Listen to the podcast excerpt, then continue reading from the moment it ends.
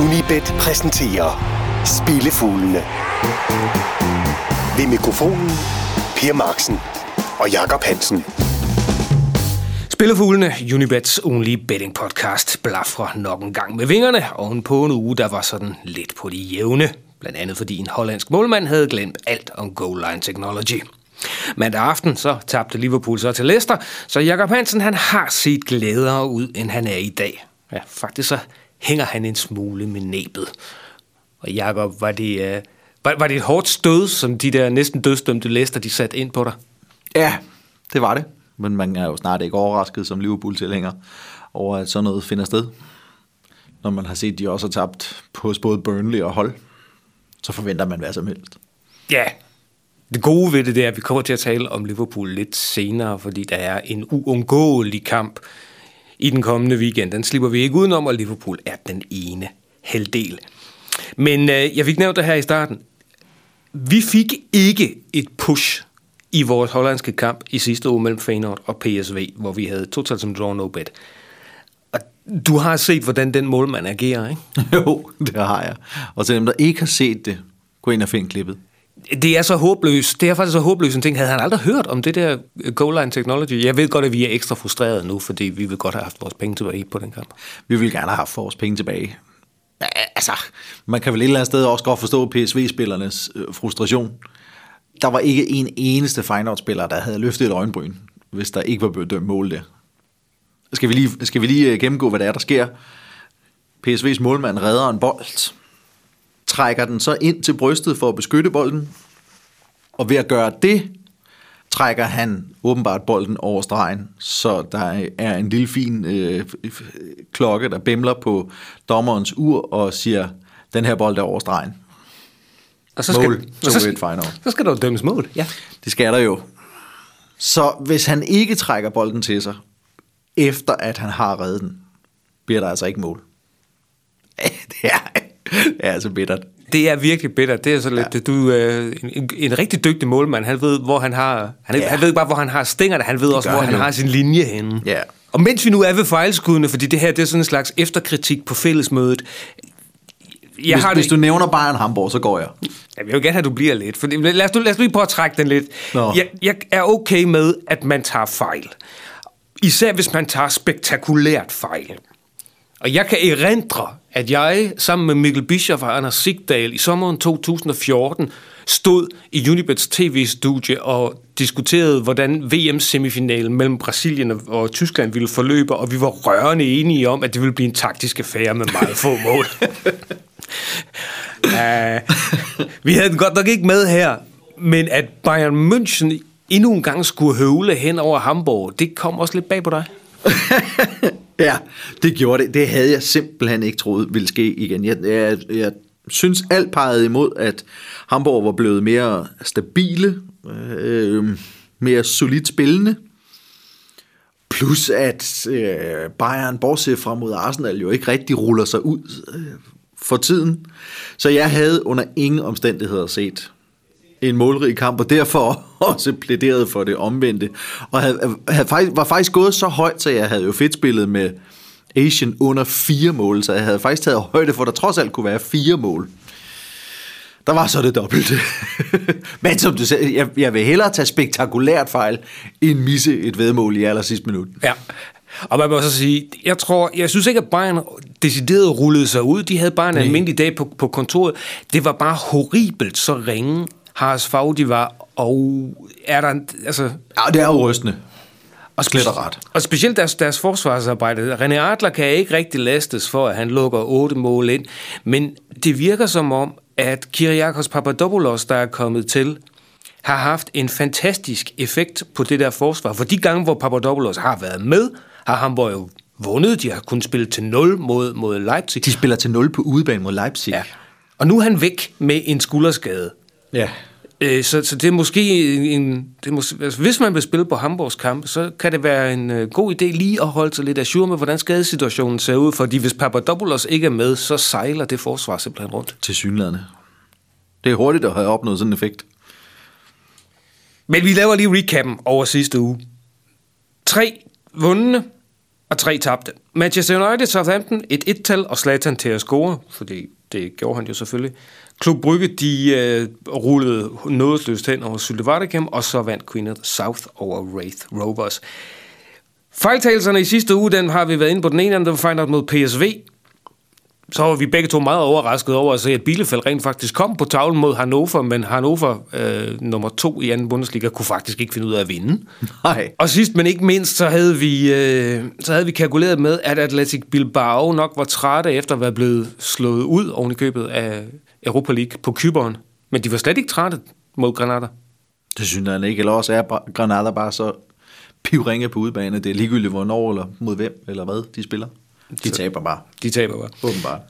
Så en af de der uger, hvor vi siger, at vi øh, beholder skinnet på næsen, men, øh, men noget... Ja, takket være et højt odds på øh, den der scorecast, windcast på United Zlatan, ikke? Ja, Men så heller ikke meget mere end, end skinnet på næsen. heldigvis. Så er der en ny uge, og en ny weekend, og en ny uundgåelig. Spillefuglene fra Unibet. Jakob Hansen og Per Marksen. Og den uundgåelige, det fik jeg også indtydet i øh, indledning, Liverpool mod Arsenal. Hvad, øh, tør du have spillet sikkert et tal derovre? Nej, under ingen omstændigheder. Selvom man må jo sige, at det, lige så ringe Liverpool åbenbart er til at spille mod hold fra bunden, så er de jo omvendt dygtige til at spille mod tabellens bedre hold. Men jeg tør ikke byde ind på, at de tør slå Arsenal, men jeg tør godt byde ind på, at der kommer mål. Det synes jeg er et bedre spil her. Liverpool kan jo godt score. Er, er, det, er det med i din kalkyle, at Arsenal har den her, skal vi kalde den svær eller umulig returkamp mod Bayern, og hvor meget fylder den hos Arsenal-spillerne? Jeg tror simpelthen ikke, den fylder ret meget. Jeg går stærkt ud fra, at den har de mere eller mindre afskrevet. De laver ikke fire mål mod Bayern, uden at selv indkassere noget undervejs. Så jeg kan ikke forestille mig, at det er noget, der rykker alverden hos dem. Der er en, en kamp på Anfield vigtigere mod en direkte rival til at slutte i den der vigtige top 4, som vel er mere tæt end nogensinde nærmest. Så det er et fornuftigt odds stadigvæk, men øh, det der 1,63, som Ja, men jeg, jeg, jeg tror faktisk, at jeg i stedet for vinder næsen mod et, øh, over, et Asian over tre mål til odds 2,30. Fordi når, når de spiller målrige kamp, så spiller de målrige kamp, de her to. Lad os lige prøve at se cifrene for de seneste øh, syv opgør mellem de her to. Det er 4-3, 3-3, 0-0, 4-1, 2-2, 2-1 og 5-1. Vi kan godt blive enige om, at det er 0-0-kampen, der stikker ud, ikke? det, er, det, det ender til synligheden enten aldeles målfattigt eller meget målrigt, når de her mødes. Og det her, det lugter altså ikke af en målfattig affære. 8 af Arsenals seneste ni udkamp mod top 6 hold bød på mindst tre scoringer. 9 af deres seneste 11 udkampe i Premier League havde mindst tre scoringer. Syv af dem, syv af de ni, her er de seneste tre i træk, havde mindst fire mål. Liverpool mangler sandsynligvis Jordan Henderson, og statistikken viser en klar tendens til, at de øh, lukker flere, at de lukker flere mål ind i kampe uden ham end med ham. Eksempelvis tre mod Leicester i mandags. Det skal Arsenal nok udnytte. Men Arsenals eget forsvar er også rimelig medgørligt, og Liverpool er farlige på Anfield. De har scoret i 27 af deres seneste 29 hjemmekamp i Premier League, og begge undtagelser var mod Manchester United. Et Asian over tre mål, det vil sige indskud og retur på tre scoringer, og 32 i gevinst, hvis der kommer flere end tre. Det synes jeg er værd at jagte. det, du opper den simpelthen, fordi... Ja, det gør øh, jeg. Ja. Fordi det, det papir, du stak mig, inden vi gik ind, det, det sagde bare begge hold til at score, og så tænkte du alligevel, nej, ved du hvad? Ja, vi skal lidt højere op. Så øh, ugens uundgåelige fodboldkamp, det bliver også en yderst underholdende affære, selvom jeg jo godt ved, at det ikke er nok for dig at få det her vedmål Asian over tre mål til at gå hjem. Det skulle gerne være sådan, at, at der står et mål mere hos de der rødklædte, for at du skal være rigtig gerne. Som den der guddommelige kamp hvor, i sæsonen, hvor de havde Suarez. Hvor det stod, hvad? 4-0 efter 5 minutter? Noget i den stil. Ej, jeg tror, der var gået 19. Der var en gang. Ja, der var en gang. Og fra en uundgåelig kamp i England, så vender vi øh, snuden mod støvlelandet, fordi ugens Asian-spil skal vi til den italienske hovedstad til et topopgør. Roma og Napoli. Nummer 2 og 3 i tabellen. Og her er du ude i, en i det, jeg vil kalde en avanceret Asian. En avanceret Asian 0, minus 0,25 på Roma. Det vil sige, at man i talende stund får odds 1,82 i tilfælde af hjemmesejr, og det halve indskud retur, hvis kampen ender uafgjort. Og det var faktisk også meget tæt på her, at jeg øh, ændrede mening i sidste øjeblik, fordi når man, når man sidder og læser om kampen, taler om kampen, øh, så er det lige ved at se for fedtet ud at have spillet det her Asian Handicap i stedet for bare at spille direkte et tal. Fordi øh, Napoli, de tager i lørdags øh, på hjemmebane mod Atalanta. Tirsdag aften tager de så igen til, til synlædende øh, på hjemmebane usårlig Juventus i Coppa Italia. Allerede på tirsdag i næste uge venter sig hjemmekampen i Champions League mod Real Madrid. Og jeg kan ikke forestille mig, at de helt har opgivet øh, håbet om at vinde den kamp, øh, når de trods alt kommer med en scoring øh, på Bernabeu. Tager det bare en lille smule af fokus fra kampen mod, øh, fra kampen mod, Europa, øh, mod Roma i Rom. Måske, men under alle omstændigheder, så virker Roma i fuldstændig overlegen form i øjeblikket. De har otte sejre i ni ligakamp, og de, de øh, scorer til synligheden nærmest efter behag i øjeblikket. De scorede for nylig fire på udebane mod Villarreal. Det er der altså ikke mange, der præsterer. Øh, og i Serie A har de i tre af deres fire seneste kampe banket Fiorentina med 4-0, Torino med 4-1 og Inter med 3-1. Det sidste på udebanen endda. Det er der altså heller ikke mange, der gør. Nainggolan har scoret fem mål alene i februar. Diego 4. Og så deres, deres hjemmebaneform i Serie A, det er, begynder at dufte en lille smule Juventus-agtigt. De har 15 sejre i træk i Serie A på eget græs. De vandt den omvendte kamp mod Napoli med 3-1. Napoli har tabt 6 af deres seneste 8 udkamp mod top 6 hold, og de har tabt de seneste 5 i træk i Roma. Som sagt, det er tæt på at være for fedt at vælge det her Asian Handicap i stedet for bare et tal. Men nu, nu bliver det sådan. Nu, nu bliver vi ved det. Nu bliver vi ved det. Ja. Også fordi... Man skal ikke være for grådig. Nej, nej. Lige præcis. Så ugens Asian, et øh, asiatisk handicap minus 0,25 på Roma. Og lad os så indlede en europæisk rundtur, fordi fra Italien, der, der får vi straks videre til det øh, nordlige Tyskland. Hvad der Bremen i et bundopgør. De har besøgt Darmstadt. Ja. Ustyrlig vigtig kamp. Hvad, hvad, og hvad sker der der? Der sker en bestemt ting, hvis du skal have ret. Ja. Mål af Darmstadt. Hvad der så ellers i øvrigt sker, det holder jeg helt fingrene fra. Werder Bremen kommer ind med to sejre i træk. Øh, og grundet øh, at Darmstadt ligner øh, ringeste hold, så har Werder Bremen fået en, en ganske stor favoritværdighed, og jeg tør ikke byde ind på, at det er en favoritværdighed, de lever op til. Vi skal tilbage til februar 2015 for at finde øh, et tilfælde af tre sejre i træk til Werderanerne. Så, så svingende er de altså. Som sagt, så møder de så Darmstadt, som er tilpas medgørligt til, at jeg ikke tør udelukke, at Werder netop tager sin tredje sejr træk, men det er altså ikke noget, jeg tør spille på. Jeg vil hellere kigge på Darmstadts muligheder, fordi det er en meget speciel kamp. På grund af cheftræneren i Darmstadt. Han hedder Thorsten Frings. Han hedder Thorsten Frings, og hvor har han spillet i rigtig, rigtig mange år? og hvor var han assistenttræner? Hvor var han assistenttræner frem til øh, efterårssæsonen i Werder Bremen. Han må om nogen kende til alt til, hvilke svagheder på Werder-holdet. Du mener, der, ud, ud, over ham, der, på. ud over ham, der står mellem stængerne hos Werder Bremen? Udover ham, der står mellem stængerne hos Werder Bremen, så kender Thorsten Frings alt til, hvor der, hvor der kan trykkes. Desuden så har Werder altså ikke holdt nålet en eneste gang på hjemmebane i denne her sæson, og de har kun præsteret det en gang i 29 hjemmekampe i Bundesligaen. De har altså lukket mål ind i 28 af deres seneste 29 hjemmekampe i Bundesligaen. Det giver odds 1,52 på, at Darmstadt scorer. Og med Frings som træner, så skal det være en mulighed. Fra Tyskland videre til Frankrig. En herlig by, vidunderlig by faktisk, i Sydfrankrig, der hedder Montpellier. De spiller mod Gangan. Og, øh, kan du ligefrem anbefale et besøg? Jeg kan lige frem anbefale det. Det er, det er en meget smuk by. Jeg har en, jeg har en gammel ven, som er englænder, som er underviser i zoologi. Han er ekspert i myg.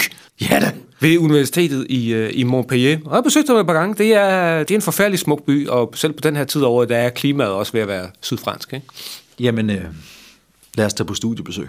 Lad os tage på studiebesøg, så kan vi se en fodboldkamp. Men nu Næste, handler næste pot fra Montpellier. næste pot live fra Montpellier. Ja. Kom nu til sagen. Ja, Montpellier møder hjemme... Øh, hvordan udtaler man det? Gang, gang. Gang, gang. Beklager mit franske i det her tilfælde. Øh, draw no bet, et tal på Montpellier. Af en eller anden grund, så kan jeg... Siger du navnet? Gang, gang. Ikke lige at spille mod Montpellier. De har ikke slået dem i deres seneste 12 indbyrdes opgør. Og de har heller ikke vundet deres seneste 11 besøg i Montpellier. Og jeg tror ikke, det kommer til at ændre sig på lørdag. For det første har Montpellier lige gennemført et trænerskifte, og det har medført tre sejre og to nederlag i de fem efterfølgende kampe. De to nederlag var mod Monaco og Nice. Det er to af de hold, der sammen med PSG kæmper om titlen i ligaen. Og de fleste hold ligger og taber til Monaco og Nice. I begge kampe tabte Montpellier dog kun knepen med 2-1. Siden oktober har de kun tabt til Monaco på hjemmebane. Til gengæld har de øh, i, i den stime besejret hold som Marseille, Bordeaux og ikke mindst PSG, mens Guingamp siden august kun har én sejr på udebane i ligaen. Deres seneste seks ligakampe på udebane har kastet et point af sig. De virker i det hele taget ikke i særlig god form. De har kun én sejr i ni ligakamp, og så har de spillet pokalkamp onsdag aften, mens Montpellier har holdt fri. Jeg tør ikke udelukke krydset. De seneste på opgør mellem dem er endt uafgjort. Men kommer der en vinder, bliver det hjemmeholdet. Godt så.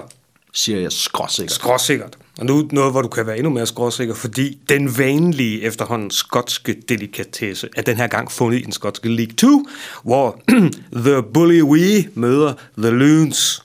Og se om jeg fik sagt det rigtigt. Lyns, det er efter sin et nordskotsk ord for unge mand. Men kampen den står mellem Clyde og Forfar. Total. Forfar har hele sæsonen været det bedste hold i League 2 i Skotland.